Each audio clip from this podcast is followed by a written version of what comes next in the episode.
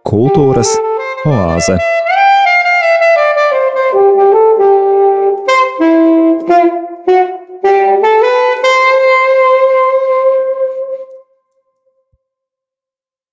Esiet sveicināti, cienījamie radio Marija Latvijas klausītāji! Savu skanējumu ēterā sāk raidījums Kultūras oāze, un ar jums sasveicinos es, raidījuma veidotājs un vadītājs Normons Zariņš. Iestājoties pandēmijai, tās dažādajiem sabiedriskās dzīves ierobežojumiem un tam sekojošam digitālisma nogurumam, vairums ļaužu atgriezās pie grāmatu lasīšanas. Tā notika arī ar mani. Šīs dienas raidījumā gribu īpaši izcelt divas no izlasītajām grāmatām šajā laikā. Tie abi ir vienas autoras vēsturiskie romāni - Klūgu mūks un Duna, kuru vēstījums atbalsojas arī šīs savādā laika notikumos - pandēmijas un kara apstākļos. Izlasītā rosināts ar rakstnieci un dramaturģi Ingu Ābeli tiekos gleznainajā Siguldā, Gaujas senlējas pakājē, piekdienā pēc lieldienām. Laukā virmo pavasars, zaļo, rotājas saule, skan putnu dziesmas, skats uz Gaujas senlēju kopā ar nejaušu garām gājēju čalām atgādina par attiecībām ar tagadni un to realitāti, kas nekad nebeidzas. Saruna raisās par cilvēkiem, baznīcu un valsti. Mūsu tikšanos muzikāli bagātina pianiste Marta Ozoliņa.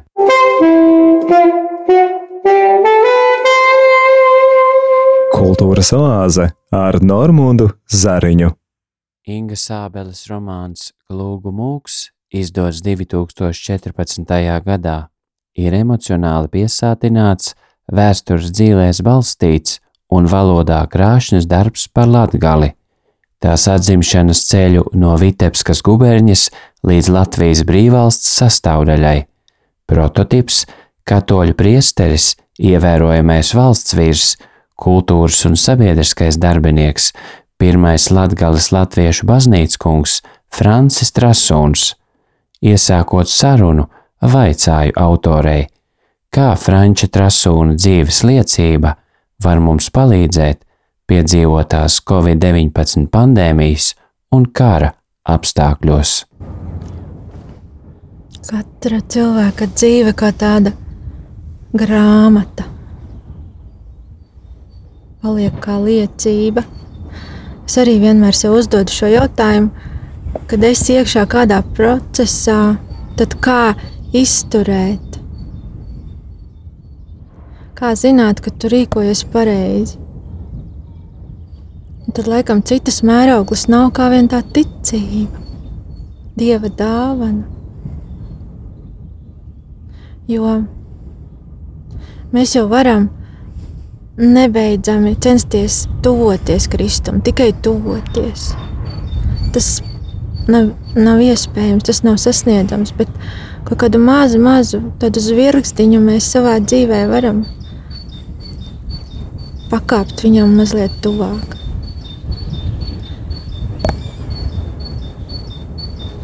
Un tas arī ir tā mēraukla, ko var piemērot šādās dzīves situācijās. Šobrīd liekas, dažkārt no rītiem es raudu balsī. Jo es kaut kā pēkšņi sajūtos, kā tie cilvēki, kas ir ielēgti un kas zina, ka, ka viņiem Nav citas izējas kā viena dzīvība vai nāve. Un tās visas šausmīgās zvērības. Pašlaik arī jauno romānu rakstot, man jāpieskaras kurzemes vēsturē. Un tad man šķiet, ka es izkāpu no 18. gadsimta, agrāk pirms kara Man bija tāda sajūta, ka es gribēju skriet klāt visiem un visus modināt un teikt, jūs saprotat, jūs saprotat ka kurzemēm pieder tagad Latvijai. Tāpēc, ka tajā brīdī, kad tur vārās apkārt visi prūši, sakši un moskovīti un zviedri un dāņi, kas uh, visi grib kurzemi. Un tad pēkšņi kurzem ir mūsu.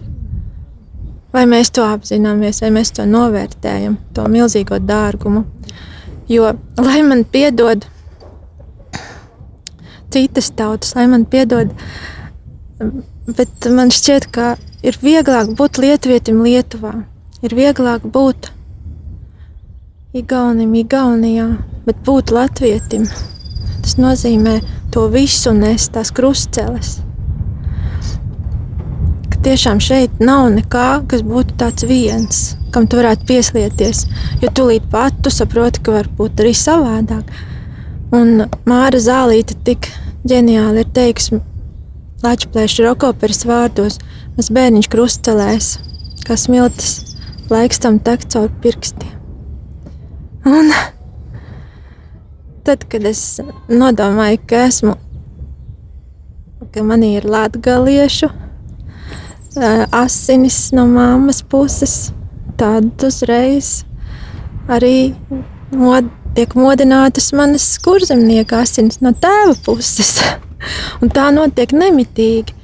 Es ieju katoļu dievnamā un es priecājos par vitrāžām Zana Ernštreita dizainere likas vienai savai grāmatai uz vāka vitrāžas atspīdumu baznīcas grīdas, un tas vāks šķiet, ka izturo gaismu. Bet es ieju asketiskā kurzemes baznīciņā un vai savā paša mūsu aležu silciema baznīciņā, kur ir ļoti asketiskas baznīcas, un arī tur es jūtos labi. Es esmu viss šeit, pašā pasaules krustpunktā, es esmu viss.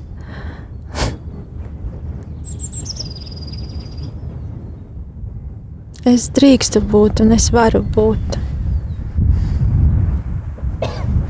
Bet, protams, ir jālūdz atļauja, un tā atļauja man šķiet ir zināšanas, jo mēs jau mīlam to, par ko mēs kaut ko zinām. Un kad at, atrod visas tos, tās senās tekas un kas savelk visus galus kopā, tad var ieraudzīt, ka Latvija ir kā tāds milzu kolkas raksts, kur kopā saplūst un tā saput to somugri ar baltiem.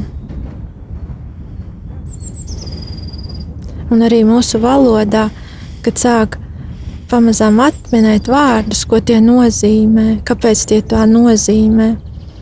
Tad var skaidri arī dažkārt ieraudzīt robežu, jo, piemēram, suitos vēl par stelēm saka kangas, kas nāk no somu, no, no lībiešu valodas.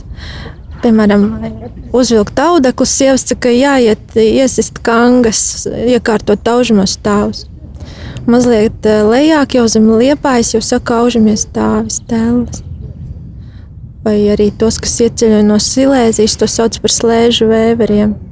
Silēzijas vēveriem. Vēveri jau atkal nāk no Zviedriem. Un tā valodā viss glabājas. Visas ziņas. Nu, kas ir valoda? Lidija Lasmane reiz tik interesanti teica, viņa teica, Svētais gars, mēs taču runājam svētā garā. Mēs abi runājam svētā garā. Un uh, tā balss, kas sasniedz mums citam, cita ausis. Kas tas ir? Tas nav nekas materiāls, bet tas uh, tik ļoti iedarbīgi. Tas ir tas gars, kas runā caur mums.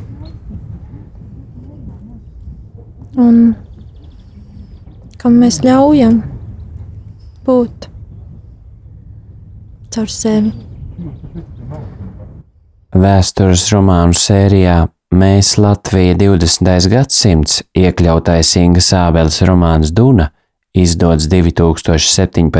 gadā, vēsta par 1949. gadu Rīgā, Sēlijā un Latgalē, Daugava, cilvēku un sugas rikšotāju likteņi, upes un cilvēka brīvības alkas saplūst kopā vienā spēkpilnā vārdā - Duna. Šodien mums atkal ir jaunas cīņas, kas katru dienu ir jāizcīna. Vai tas reiz beigsies? Kur lai mēs rodam spēkus? Ir tiešām grūti saprast, kā tas ir iespējams 21. gadsimtā. Bet,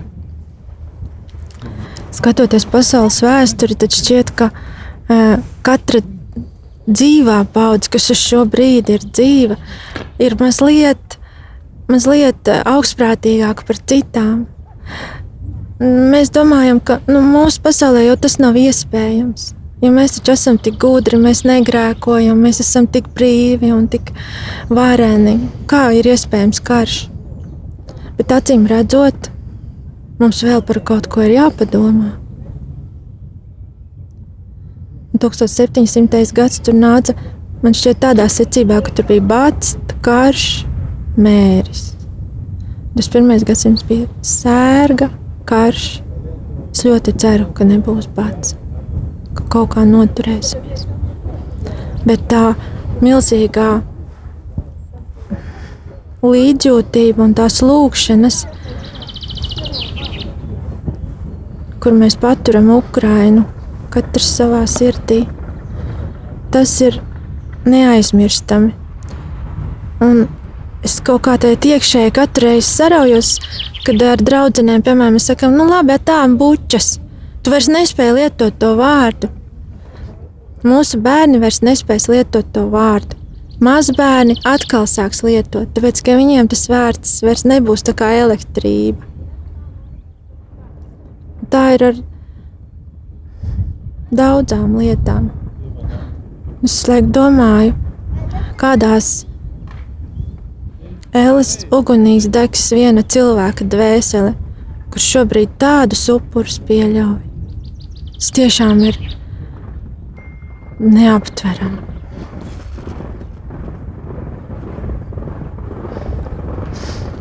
Un tad vienmēr es atceros arī Liānas Langas fantastisks dzējoļu krājums, kur viņai bija cikls izpildītāji. Būtībā viens cilvēks, Hitlers, viens cilvēks, Leņķins, viens cilvēks, Putins, ko viņš spēja bez izpildītājiem. Tā ir milzīga iekšējā atbild, at, atbildība. Bet no otras puses, es atkal atceros to melno pelēko vāku, kas bija mums uz galvām padomju laikos. Arī bija Čehoslovākijas notikumi, bija Ungārijas notikumi. Vācietis vēl sūtīja sašutuma pilnas vēstules. Ko, ko viņi iespēja? Viņi iespēja labi darīt savu darbu. Viņi iespēja tikai palikt dzīsniekiem, rakstīt dzēju, radīt, par spīti visam radīt. Jo ticēt labajam tas vienīgais, ko reizēm mēs spējam darīt. Jo Ļaunais jau nespēja radīt, viņš spēja tikai iznīcināt. Un tad varbūt tajos grūtajos uh, apstākļos, kur tiešām nebija iespējams neko citu darīt, Ziedonis uzrakstīja to dzējoli, kas sasniedz mūs šobrīd un kas mums šobrīd varbūt dod spēku. Paskaties, kā vecs met tīklus, cik nesteidzīgi viņš to dara. It kā nebūtu bijis ne pirmā, ne otrā pasaules kara. Paskaties, kā vecis ko bites, noņem bišas spietu no zara. Paskaties, cik nesteidzīgi viņš to dara. Paskaties, cik mierīgi vecis alu dara. It kā viņš nezinātu, ko alus dara. Un cik mierīgi, nesteidzīgi vecis to visu dara. It kā priekšā viņam vēl būtu mūžība gara. Bet, ja nu vecis zina, ka viņš ir daļa no kādas stara, varbūt viņam priekšā arī ir mūžība gara. Un varbūt tad mūžībai un pašam ir ļoti no svara, lai visu tās svētā mierā dara.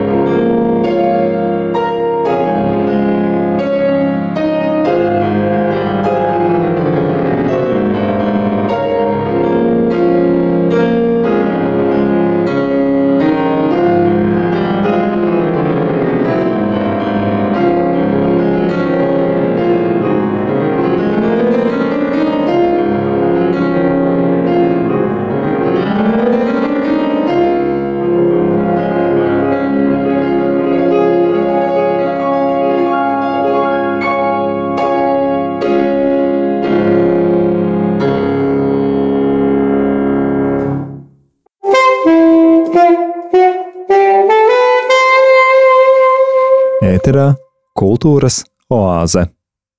Rakstniece un dramaturģe Inga Ābele saka, mēs nevaram atskatīties no nākotnes, kas vēl nav notikusi, un tā ir mūsu nepilnība.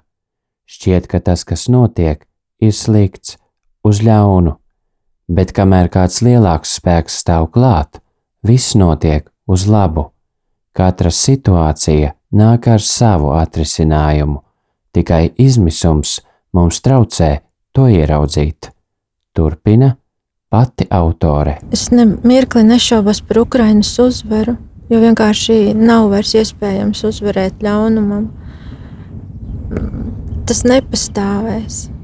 Es neticu, tas nav iespējams nekādā veidā. Bet tā izēja varbūt būtu palikt pašam, cik iespējams palīdzēt Ukraiņai, cik savos spēkos. Un, uh, padarīt savus darbus. Neviens tiešām nav solījis mums piedzimstot, ka būs viegli. Bet, ja pats turies jēgā un cerīgs un ticīgs, tad var palīdzēt otram, kam tajā brīdī iet grūti. Un tā jau man šķiet ir uzbūvēta pasaule. Jo šis gads man šķiet kā tāds ļaunu un labu atzīšanas koks cilvēks pasniedzās, noplūca augli. Un tagad krasi ir ieraugāms labums, labais un ļaunais. Nekad manā dzīvē līdz šim nav bijusi tāda šķirtne. Pilnīgi pastos kādus savus kādreiz iepriekšējos cilvēkus, ko viņi ir video klipos vai kāds blogerus, ko viņi raksta. Es ieraugu un es aizveru, piemēram, un es vairs nekad viņās neieskatos.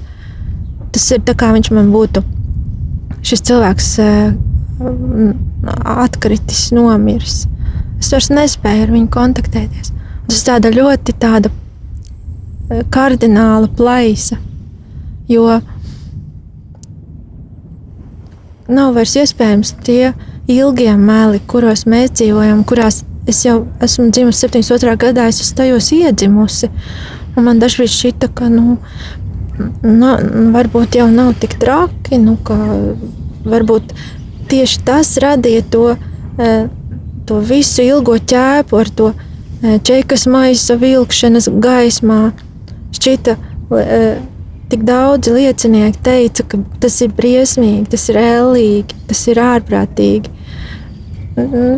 Noklausījās paraustīja plecus. Lidija Lasmana Doroņina stāstīja par Mortvijas lēģeriem.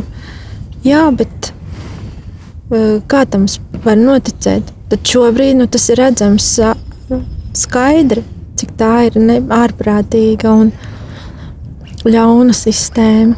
Vairs nevar būt nekādu šaubu.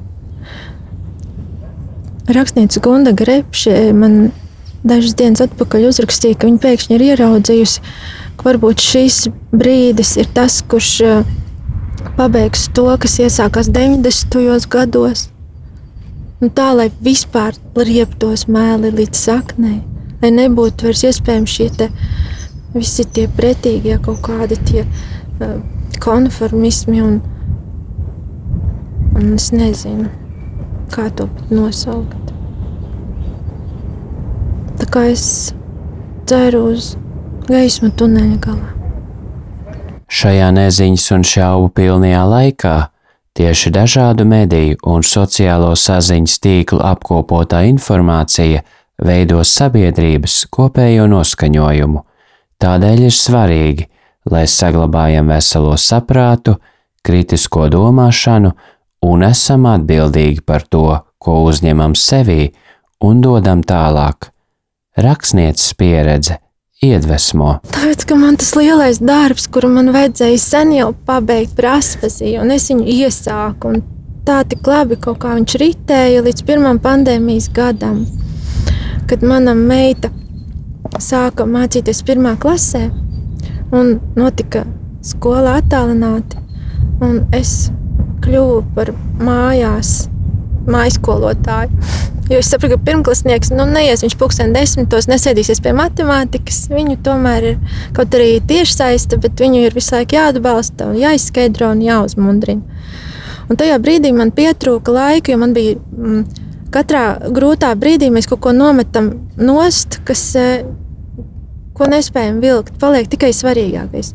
Tur man palika romāns, eh, ģimene, romāns un eh, skola meitas.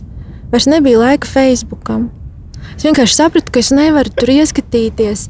Tas man atņem laiku, un, ja es tur iekļūstu, tad, man, tad, tad es atkal netieku ārā. Labāk es nedarīšu tā. Es domāju, kādu laiku es pabūšu ārpus. Un pēc tam es uh, atkal rakstīju, rakstīju romānu. Un, nu, pat jau šķita, ka pandēmija beigsies un viss būs atkal vecajās lietās, nu, karš. Bet es kaut kā neju tur atpakaļ. Es palieku tur, kas ir, un kaut kā visas ziņas, kas man jāzina, mani sasniedz. Piemēram, vecāki Rīgā jau krietnā vecumā, bet teicis man ļoti mundrs un ņiprs. Un tad viņš man zvana un stāsta, kas ir noticis pasaulē, ko man vajadzētu zināt. Kā ziņas jau atnāk. Un tepat uz vietas vietējā Siguldas kopiena daudz ko var darīt. Un tā arī netieku atpakaļ tajā, tajā pasaulē, kur ir daudz visa kā. Dzīvoju tepat.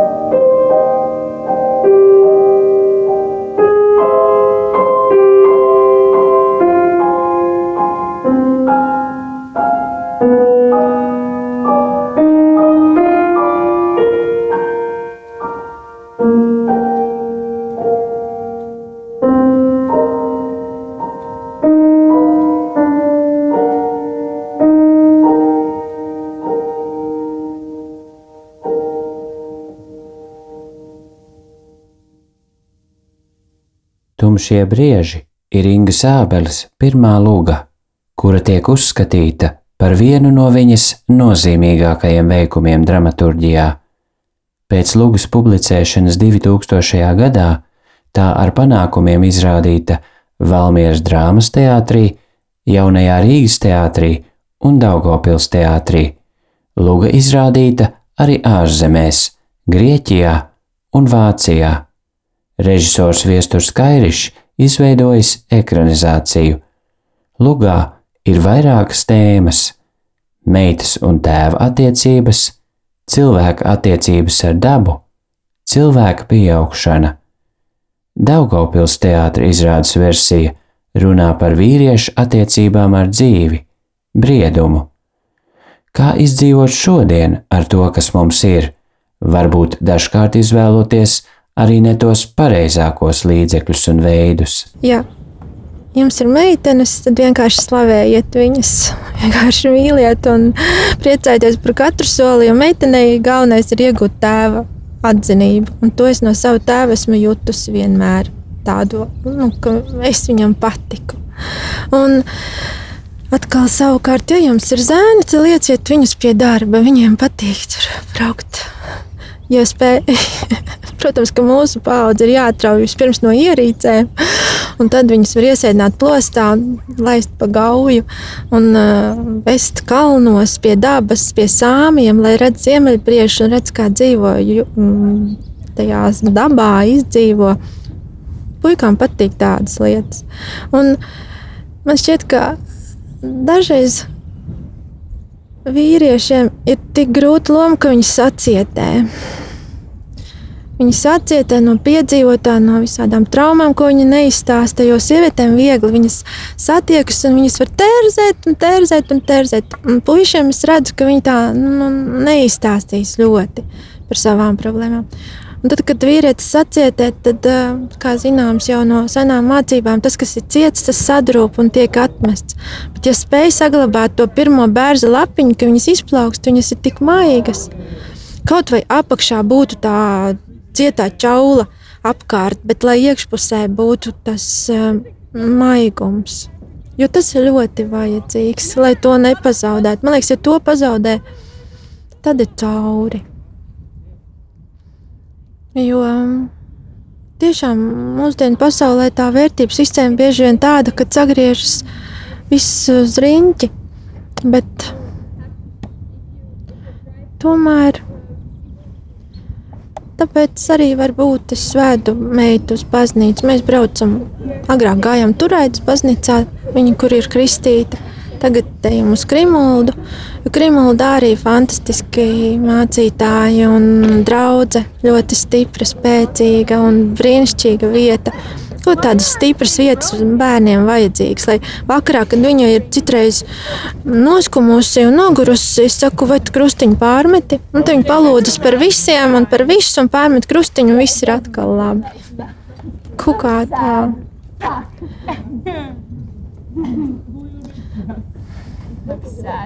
Protams, tas nav tik vienkārši, bet jācenšas. Inga ir pārliecināta, ka dzīve nav ne laba, ne slikta, ne viegla, ne grūta. Dzīve ir interesanta, jo tu nekad nevari zināt, ko nesīs piekdiena.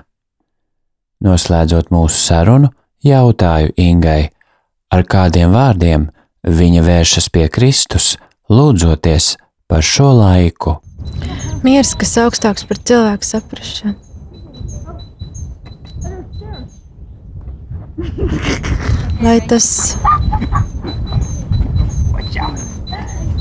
lai tas ienāk mūsos no šiem putniem, no zaļās zāles, no plaukstošiem kokiem. Jo atzīmes un atzels. Es ļoti ticu.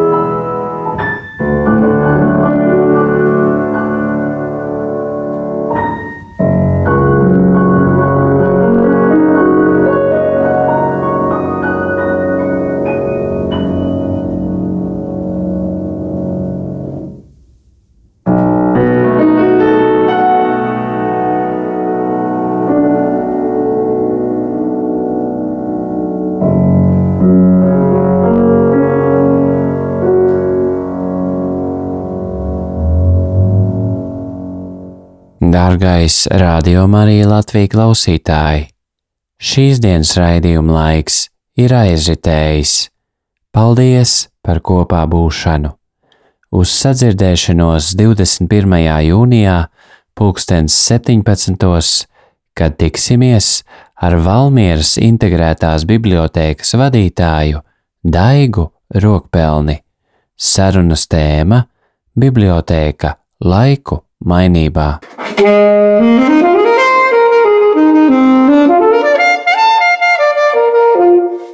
Izskanēja raidījums Kultūras oāze.